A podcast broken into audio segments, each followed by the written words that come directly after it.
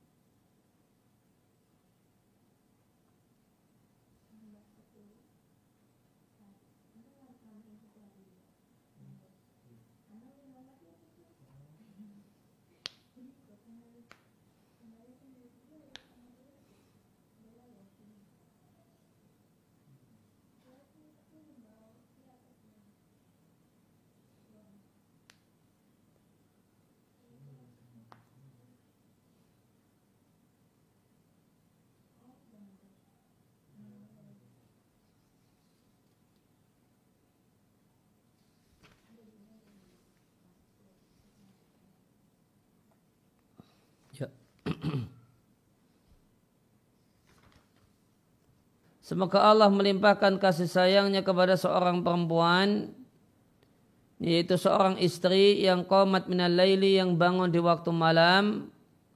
Fasalat lantas dia mengerjakan salat malam kemudian dia bangunkan suaminya. Fasalla lantas suaminya pun salat mengerjakan salat malam. Fa'in aba jika suaminya enggan untuk sholat malam tanpa alasan yang kuat, maka istri ini memercikkan pada wajah air pada wajah suaminya. Hadis sahih dikeluarkan oleh Ahmad, Abu Dawud, Nasai dan Ibnu Ibnu Majah dan yang lain. Dari sahabat Abu Hurairah radhiallahu anhu, ya, beliau mengatakan, ya, perkataan Abu Hurairah siapa yang bangun di, di waktu malam kemudian dia bangunkan istrinya lantas keduanya sholat jami'an bareng ini dua rakaat maka keduanya tercatat sebagai bagian dari laki-laki dan perempuan yang banyak mengingat Allah. Hadis sahih dikeluarkan oleh Abu Dawud. Dengan sanad yang sahih diperselisihkan apakah ini mauquf perkataan Abu Hurairah ataukah marfu' sabda Nabi sallallahu alaihi wasallam wal asahul waqfu. Dan yang betul hadis tersebut adalah mauquf. Maka tadi disampaikan ini adalah perkataan sahabat Nabi Abu Hurairah radhiyallahu taala anhu. Sedikit penjelasan tentang hadis ini dari Sarah Sunan Nasai yaitu Zakhiratul Uqba fi Syarhil Mujtaba. Ya, disampaikan bahasanya uh, penjelasan untuk hadis ini dari sahabat Abu Hurairah radhiallahu taala anhu Rasulullah sallallahu alaihi wasallam bersabda Semoga Allah memberikan kasih sayangnya kepada seorang suami tentang rahimullah imra'an di sini bisa uh, ada dua kemungkinan makna. Yang pertama adalah berita dari Nabi Shallallahu Alaihi Wasallam bahwasanya suami semacam ini berhak untuk mendapatkan rahmat atau kasih sayang Allah. Makna yang kedua ini adalah kalimat doa dari Nabi. Ya untuk orang tersebut Nabi doakan agar mendapatkan rahmat Allah Subhanahu wa taala plus sanjungan karena bagusnya apa yang dia lakukan. Qoma minal laili bangun di waktu malam. Yang, yang dimaksud dengan min di sini maknanya fi. Ya, bangun di waktu malam. Kalau min di sini artinya fi maka terjemahnya bangun di waktu malam. Atau boleh juga minnya tetap diartikan min dalam arti li tab'id yaitu bangun di sebagian malam. Fasolah lantas dia mengerjakan sholat malam yeah. atau sholat yang lainnya. Thumma ayqadha imra'atahu kemudian dia bangunkan istrinya yaitu dia bangunkan istrinya dengan cara yang bijak, dengan hikmah dan nasihat yang lembut. Akhirnya istrinya pun sholat. Jika istrinya enggan menolak untuk bangun sholat malam, karena tidurnya demikian nyenyak bukan karena udur syar'i berupa haid ataukah sakit maka dia percikkan pada dia percikkan air pada wajah istrinya. Di sini disebutkan bahasanya memercikkan air itu ditujukan pada wajah karena memercikan e, memerciki air pada wajah itu menghilangkan kantok lebih daripada anggota tubuh yang lain. Selanjutnya semoga Allah melimpahkan kasih sayangnya kepada seorang perempuan yaitu seorang istri. Qomat minal laili bisa diterjemahkan bangun di waktu malam atau ya, melek di sebagian malam dan saat melek tersebut solat dia fasolat dia kerjakan untuk solat kemudian dia bangunkan suaminya. Lantas suaminya bangun. Dia bangunkan baik-baik suaminya lantas suaminya bangun. Jika suaminya menolak tanpa alasan yang kuat maka dia percikan air pada wajah suaminya. Nah, maka di antara pelajaran di hadis ini perbuatan ini tidaklah termasuk menyakiti menyakiti sesama muslim yang terlarang di surat Al-Azab 58 namun tindakan membangunkan dengan air itu bagian dari ta'awun tolong menolong dalam kebaikan dan takwa. Dan tentang kandungan hadis, uh, yang pertama hadis ini sebagaimana judul bab yang diberikan oleh An-Nasai, yaitu motivasi untuk bangun malam. Sisi motivasinya ya, motivasi untuk sholat malam. Dan Nabi sampaikan keluarga ideal seorang keluarga muslim yang ideal demikian keadaannya. Ya, istri membangunkan suaminya untuk sholat malam, suami membangunkan istrinya untuk sholat malam. Ya, itu gambaran ideal keluarga muslim. Maka jika demikian perhatiannya dengan sholat malam sampai suaminya dibangunkan atau istrinya dibangunkan, lebih-lebih lagi salat lima waktu. Ya. Jika untuk salat malam saja, ya, ketika pasangannya itu tidak mau bangun tanpa alasan yang kuat, maka wajahnya diperciki. Maka bagaimanakah kalau itu ya, sholat isya, sholat duhur atau yang lainnya, atau sholat subuh. Tentu lebih berhak dan lebih layak untuk di bangunkan ya, ya, lebih layak dan lebih berhak untuk dibangunkan dengan menggunakan air. Maka di sini letak motivasi untuk sholat malam dan sholat secara dan sholat fardu lebih-lebih lagi. Pelajaran yang lainnya hadis ini dalil disyariatkan yang mendoakan rahmah untuk orang yang hidup sebagaimana doa rahmah untuk orang yang telah meninggal dunia maka rahimallahu taala itu tidak identik dengan orang yang telah meninggal dunia untuk orang yang hidup juga boleh ya. Maka mendoakan seorang ustadz atau mendoakan penulis buku uh, meskipun beliaunya masih hidup boleh saja dengan rahimallahu taala Misalnya penulis buku uh, panduan kajian kita, saya Amar Abdul Mu'in Salim. Kita katakan buku ini ditulis oleh saya Amar Ibn Abdul Mu'in Salim rahimallahu taala wa ini tidak mengapa. Kemudian yang lainnya hadis ini dalam hadis ini terdapat penjelasan tentang keutamaan qiyamul lail Kemudian keutamaan seorang suami, seorang suami memotivasi istrinya untuk sholat malam dan seorang istri yang memotivasi suaminya untuk sholat malam. Dan ada dan hadis ini dalil disyariatkannya membangunkan orang yang tidur untuk mengerjakan ibadah sunnah. Jika demikian membangunkan orang yang tidur untuk mengerjakan ibadah sunnah, maka ibadah yang wajib lebih-lebih lagi.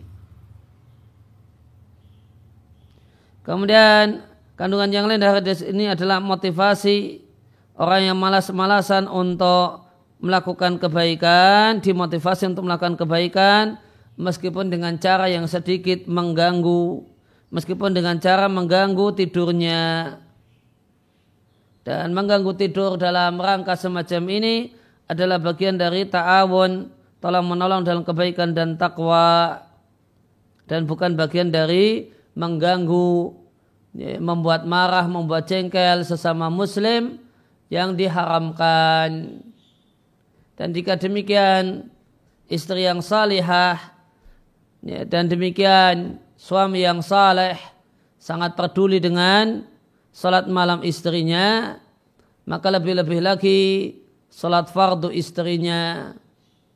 Jika istri saja dibangunkan untuk salat malam, bahkan diperciki mukanya dengan air untuk salat malam, maka lebih-lebih lagi jika itu untuk salat isya, salat subuh dan yang lain. Kemudian di hadis yang kedua tadi perkataan Abu Hurairah disampaikan bahasanya cukup dengan salat sunnah dua rakaat, ini salat malam dua rakaat, seorang itu sudah tergolong orang yang banyak berzikir mengingat Allah Subhanahu wa taala. Jika suami istri ini salat dua salat malam dua rakaat, maka jadilah keduanya laki-laki dan perempuan yang banyak mengingat Allah Subhanahu wa taala. Dan hadis ini menunjukkan bahasanya salat sunnah dua rakaat itu sudah mencukupi untuk mendapatkan keutamaan ya, salat malam. Dan hadis ini menunjukkan bahasanya salat malam itu tidak harus dalam bentuk genap kemudian ditambah ganjil. Maka sholat malam itu bisa saja ya, hanya sholat ganjil dan boleh juga uh, hanya genap saja sebagaimana perkataan Abu Hurairah di sini. Boleh juga genap kemudian ganjil sebagaimana umumnya yang dilakukan oleh Nabi Shallallahu Alaihi Wasallam dan boleh juga pilih uh, bentuk yang keempat adalah ganjil kemudian genap. Sebagaimana juga yang dilakukan oleh Nabi Shallallahu Alaihi Wasallam. Nabi terkadang sholat malamnya paket sholat malam beliau witir tujuh rakaat. Setelah itu dilanjut sholat e, dua rakaat sambil duduk. Terkadang Nabi dan ketika Nabi dan demikian yang Nabi lakukan ketika sudah sepuh dan ketika beliau masih cukup muda Eh, beliau terkadang paket salat malam beliau adalah 9 rakaat witir kemudian dilanjut dengan dua rakaat sambil duduk. Maka ganjil kemudian genap. Kemudian contoh uh, contoh istri salihah yang memati suaminya untuk melakukan kebaikan. Kita jumpai pada dua kisah berikut ini. Yang pertama dari Anas bin Malik radhiallahu anhu. Ada seorang yang mengatakan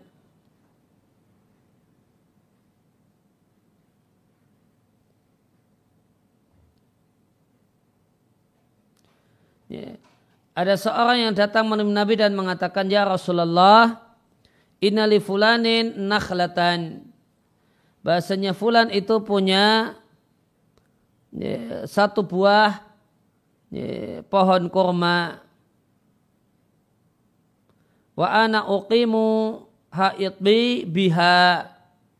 Dan aku akan menegakkan tembokku dengannya. Aku akan mungkin maknanya aku akan gunakan kayunya untuk menegakkan tembokku maka wahai Nabi tolong perintahkan pemilik ya, pohon kurma tersebut untuk memberikannya cuma-cuma untukku sehingga ya, aku bisa menegakkan tembokku dengannya. Akhirnya Nabi Shallallahu Alaihi Wasallam memanggil pemilik satu buah pohon korma, satu batang pohon korma dan Nabi katakan kepadanya, Aktiha iyahu, berikan satu pohon korma itu untuk tetanggamu ini, nanti akan kutukar baknya ba'iwat bin nakhlatin fil, jan, fil jannati. Kutukar dengan aku jamin itu diganti dengan satu pohon korma di surga Allah Subhanahu wa taala. Maka orang ini dia ingin iming surga. Kalau dia punya satu pohon korma di surga, artinya dia masuk surga. Namun meskipun dikasih iming-iming surga, ternyata fa'aba. Orang tersebut pemilik pohon korma tadi itu enggan, menolak. Tidak mau kalau diberi, diserahkan cuma-cuma dan gratisan.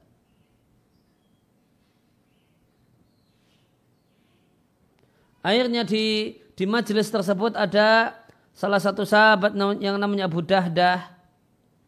Abu Dahdah lantas mendatangi pemilik ya, pohon korma tadi dan mengatakan bi'ni nakhlataka bihaiti. Ya. Jual satu buah pohon kormamu satu buah pohon kurmamu itu BHIT dengan satu kebunku. Ya, maka satu pohon kurma dibarter oleh Abu Dahda karena pohon kurma ini Nabi katakan ya, ya, bernilai satu pohon kurma di surga. Ya. Maka mau dibarter dengan satu kebun kurma. Karena ditukar dengan satu buah pohon uh, satu kebun kurma fafa'ala orang tersebut mau menerimanya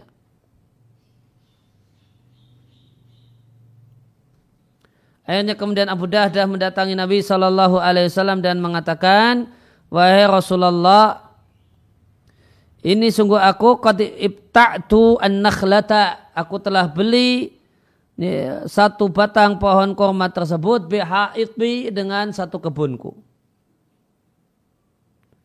Kal Nabi kemudian meminta kepada Abu Dahda, faja'alha, berikanlah satu ya, pohon korma tersebut, satu batang korma tersebut, lahu untuknya orang yang membutuhkan.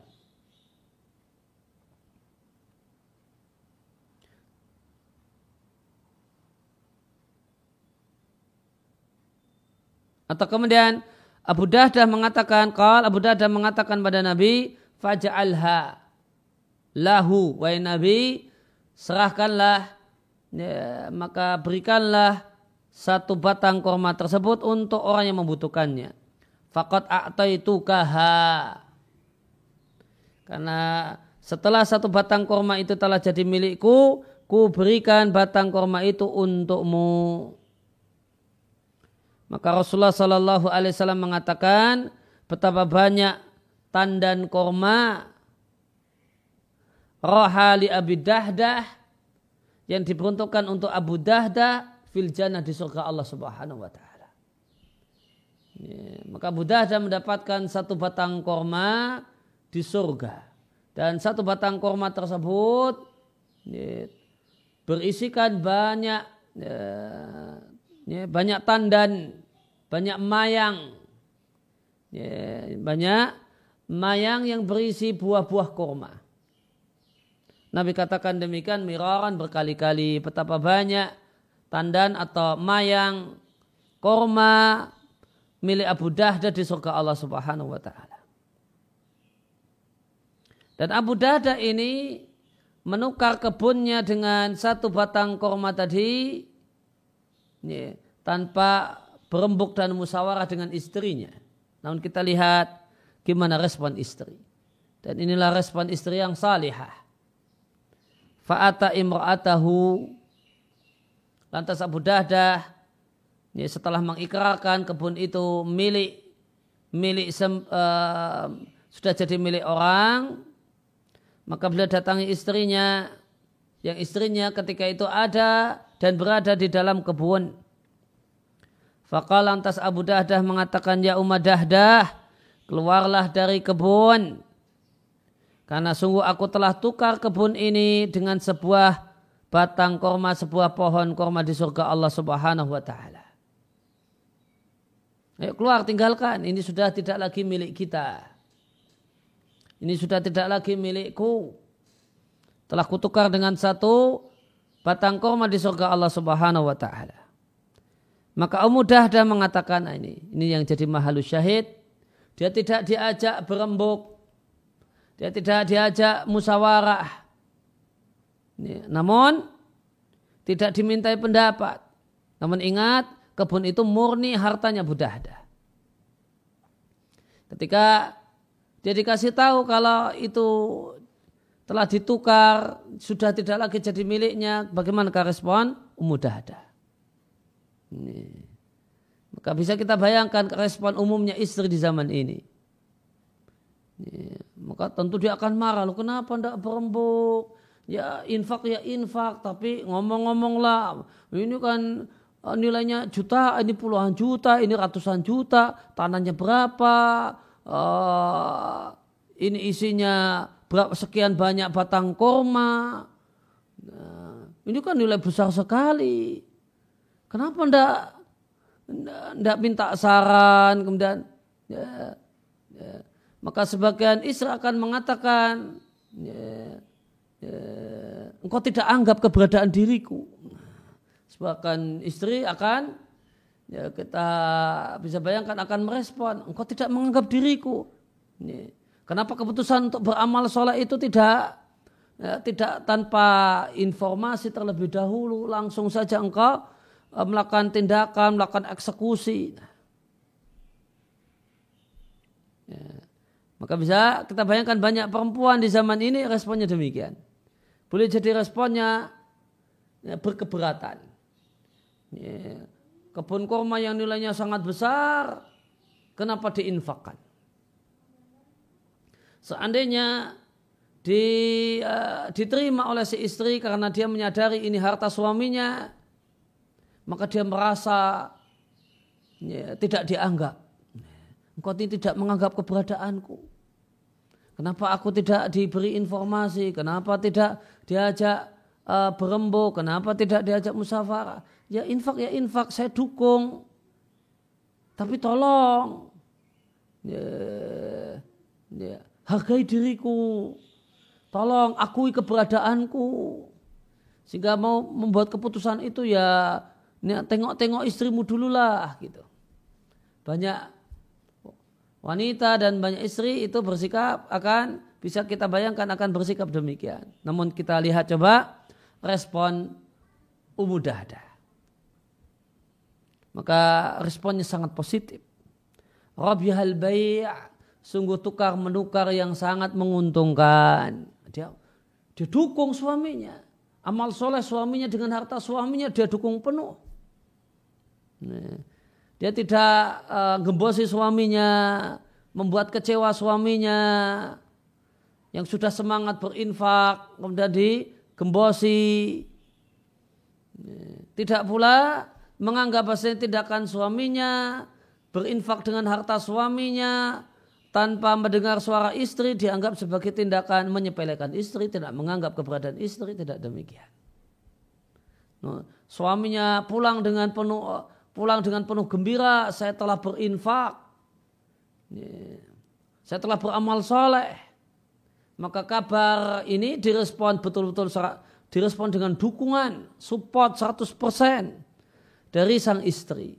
Sungguh itu tukar menukar yang sangat menguntungkan. Au kalimatan tushbihuha atau kalimat semacam itu. Kisah ini di uh, hadis ini dikeluarkan oleh Imam Ahmad dengan sanad yang sahih biadha lafzi dengan redaksi semacam ini. Ya, kemudian dari Anas bin Malik, beliau mengatakan Abu Talhah melamar ibu ibunya Anas, namanya Ummu Sulaim. Ya, panggilannya Ummu Sulaim, nama aslinya Rumaisa atau Rumaisa. Ya. Maka ini uh, dalil yang namanya khidbah melamar itu tidak harus uh, ke wali ke perempuannya secara langsung itu juga disebut ya, ya, menyatakan bersedia tidak jadi istriku itu juga disebut khidbah. Maka definisi makhtubah wanita yang telah dikhidbah itu tidak harus ya, ada pembicaraan antara bapak si wanita dengan lelaki yang berminat kepadanya. Bisa jadi laki-laki ini ngomong langsung dengan si perempuan ketika diiyakan maka dia wanita makhtubah. Wanita yang dilamar yang tidak boleh dilamar oleh lelaki berikutnya atau lelaki yang lainnya. Dan tidak boleh perempuan ini uh, menerima lamaran kecuali setelah membatalkannya dengan lelaki yang pertama terlebih dahulu. Fakalat maka respon Ummu Sulaim mamis luka yuraddu. Lelaki seperti dirimu tidak layak untuk ditolak. Walakin la yahiluli an atazawwajaka namun tidak halal bagiku menikah denganmu. Karena aku adalah wanita muslimah sedangkan engkau non muslim, engkau adalah uh, lelaki kafir. Fa tuslim jika engkau mau masuk Islam, maka itulah maharku dan aku tidak meminta yang lainnya. Akhirnya Abu Talha pun masuk Islam dan menikahi Ummu Sulaim. Sabit mengatakan, Sabit Al-Bunani muridnya Anas bin Malik mengatakan aku tidak pernah mendengar satu mahar yang lebih bernilai lebih mulia dibandingkan maharnya Ummu Sulaim yaitu masuk Islamnya suaminya. Demikian adalah hadis yang dikeluarkan oleh Nasai bisa nadin hasannya dengan sanat yang hasan. Maka kita jumpai dua wanita salihah yang memotivasi suaminya untuk melakukan kebaikan dan ketaatan. Ummu Dahdah yang memotivasi suaminya, yang mensupport suaminya, mendukung penuh suaminya ketika suaminya bersedekah dengan nilai yang besar sekalipun. Dan yang kedua adalah uh, Ummu Sulaim yang memotivasi laki-laki yang tertarik dengannya uh, untuk melakukan kebaikan. Engkau boleh menikah denganku syaratnya begini-begini dalam hal ini syaratnya uh, masuk Islam terlebih dahulu. Ya demikian yang kita baca di kesempatan siang hari ini wasallallahu ala nabiyina Muhammadin wa ala alihi wasallam alamin. Baik Ustaz, uh, sudah ada beberapa pertanyaan yang telah masuk yang insyaallah akan kami bacakan. Untuk pertanyaan pertama Ustaz. Assalamualaikum warahmatullahi wabarakatuh. Waalaikumsalam warahmatullahi wabarakatuh.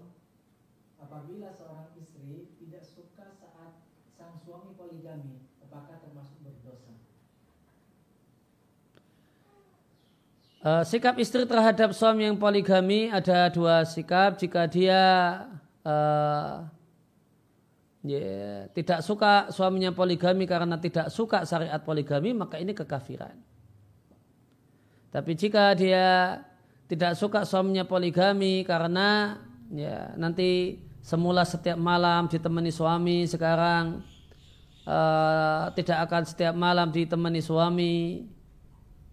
Ya dan hal-hal yang lainnya yang menurutnya adalah satu hal yang berat. Ya, maka itu adalah satu hal yang menunjukkan lemahnya iman. Satu hal yang sebenarnya tidak boleh namun tidak sampai membatalkan keimanan. Ya, kalau yang pertama itu tidak boleh haram dan membatalkan iman.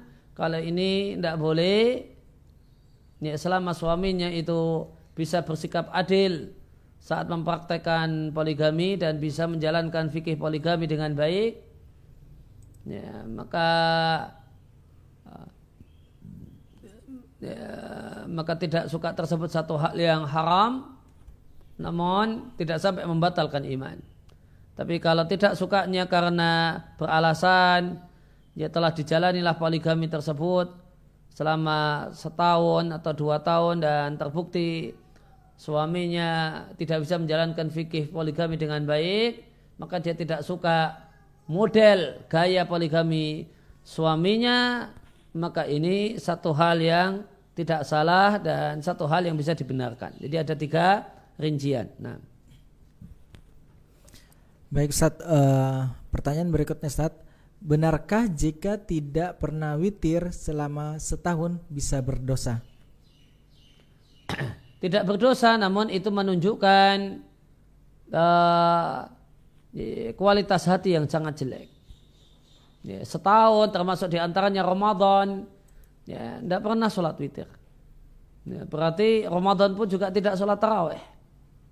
Maka itu menunjukkan ya, kualitas hati dan kualitas iman yang sangat jelek, meskipun ya, ya, tidak berdosa. Nah. Baik Ustaz. Uh, pertanyaan berikutnya Ustaz. Assalamualaikum warahmatullahi wabarakatuh. Waalaikumsalam warahmatullahi wabarakatuh. Bagaimana jika ikhwan memiliki tato tapi ikhtiar untuk menghapus dengan laser dan sudah mulai kajian dan hafal beberapa juz. Apa ta'aruf dengan yang patut dipertimbangkannya? Apa? Apa ta'aruf yang Apa patut? ta'aruf dengannya patut dipertimbangkannya? Ya, jika uh, jika merasa nyaman dengan hal-hal tersebut, ya, tidak mengapa. Ya, jika merasa nyaman punya uh, masa lalu bertato dan ada bekas tato setelah meskipun uh, sekarang hilang ada uh, demikian, merasa tidak masalah, ya, silahkan dipertimbangkan. Nah. Baik, Sat, uh, pertanyaan berikutnya, Sat. Assalamualaikum warahmatullahi wabarakatuh. Waalaikumsalam warahmatullahi wabarakatuh. Sat, bagaimana jika kita berjamaah dengan suami atau dengan teman wanita pada sholat yang sir, zuhur, asar, apakah kita baca lengkap Al-Fatihah plus surat atau diam saja karena kita tidak tahu surat apa yang dibaca si imam? Ya, ketika uh, sholatnya adalah sholat sir, baik sholat fardu atau apa sholat malam, karena sholat malam boleh sir, boleh jahar, maka makmum wajib baca Al-Fatihah. Dan jika setelah baca Al-Fatihah masih imamnya belum rokok, maka bisa baca bacaan surat yang ingin dibaca. Nah.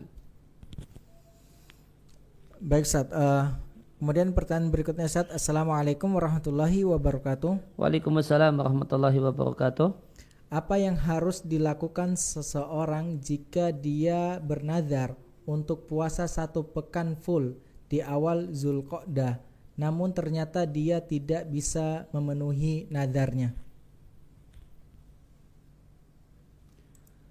uh, ketika dia bernadar untuk melakukan uh, puasa sunnah selama satu pekan full ya. Ya maka hendaklah dia dia kodok nadarnya. Ya satu pekan full di awal Dhul Qa'dah maka dia kodok di dengan dia sebagaimana salat sebagaimana puasa itu bisa dikodok maka nadar kebaikan bisa dikodok. Ketika dia tidak bisa di satu pekan di awal Dhul Qa'dah bisa dia uh, kerjakan satu pekan di pertengahan Dhul Qa'dah atau satu pekan di akhir Qa'dah. Nah. Baik Ustaz. E, pertanyaan berikutnya Ustaz. Bismillah. Ustadz, bagaimana tindakan seorang anak untuk membujuk orang tua agar mengizinkan anaknya menikah sebab ia merasa tidak aman dengan fitnah yang menimpa dirinya? Ya, yang pertama adalah doakan berdoa pada Allah agar Allah bukakan hati orang tua. Kemudian yang kedua, buktikan ya, buktikan dengan nyata bahasanya uh, bahasanya dia sudah dewasa. Jadi ke, ke, umumnya orang tua tidak mengizinkan nikah itu karena merasa anaknya masih kekanak-kanakan, belum dewasa. Maka cari tahu apa indikator dewasa menurut orang tua, kemudian buktikan kalau sudah memiliki hal itu. Nah. Baik, Sat, uh, pertanyaan berikutnya, Sat. Bagaimana cara terbaik menasihati suami yang malas beribadah?